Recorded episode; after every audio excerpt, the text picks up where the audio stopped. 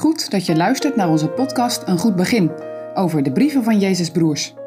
Vandaag met Just van Toor.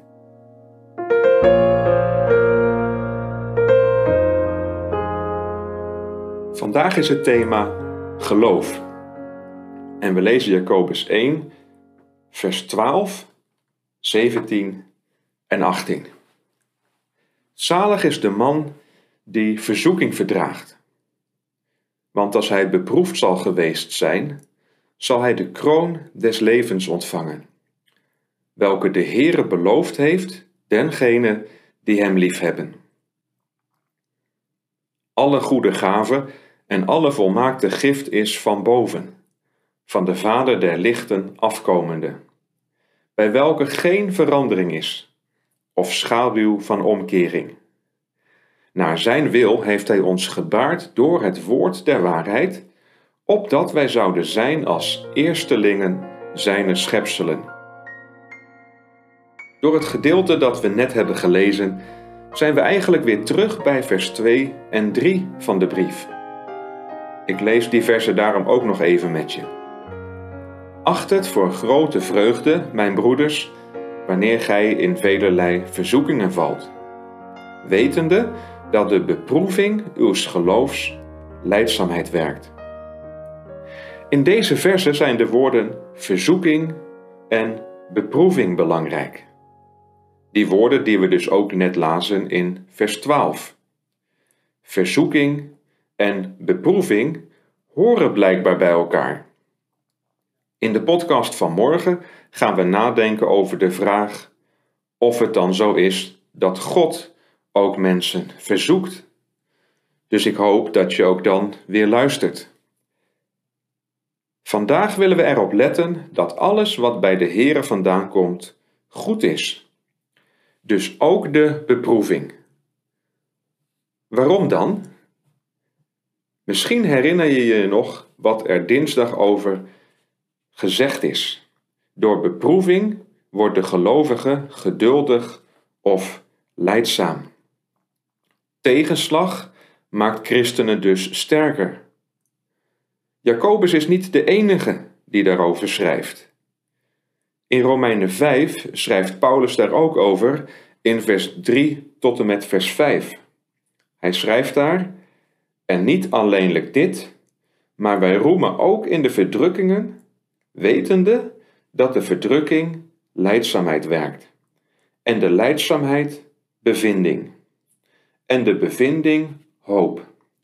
En de hoop beschaamt niet, omdat de liefde Gods in onze harten is uitgestort door de Heilige Geest die ons is gegeven. Dit gedeelte uit Romeinen 5 wordt wel de ladder van de hoop genoemd. De eerste sport van de ladder is ellende of verzoeking. De tweede sport is volharding of geduld. De derde sport is betrouwbaarheid of bevinding. En de vierde sport is hoop. Deze ladder geeft de Heere juist in moeilijke tijden. Nee, ook als je de Heere mag kennen, ben je niet altijd blij met tegenslag in je leven.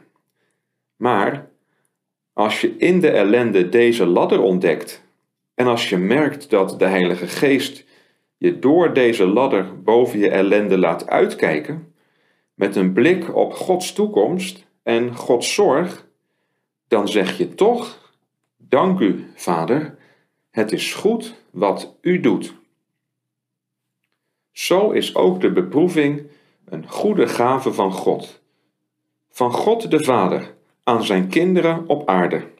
God is volmaakt en daarom zijn ook zijn gaven volmaakt. En God verandert nooit. In vers 17 lezen we dat. Bij welke geen verandering is. Een paar duizend jaar geleden heeft Mozes de Heere leren kennen als Ik ben die ik ben. Of Ik zal zijn die ik zijn zal.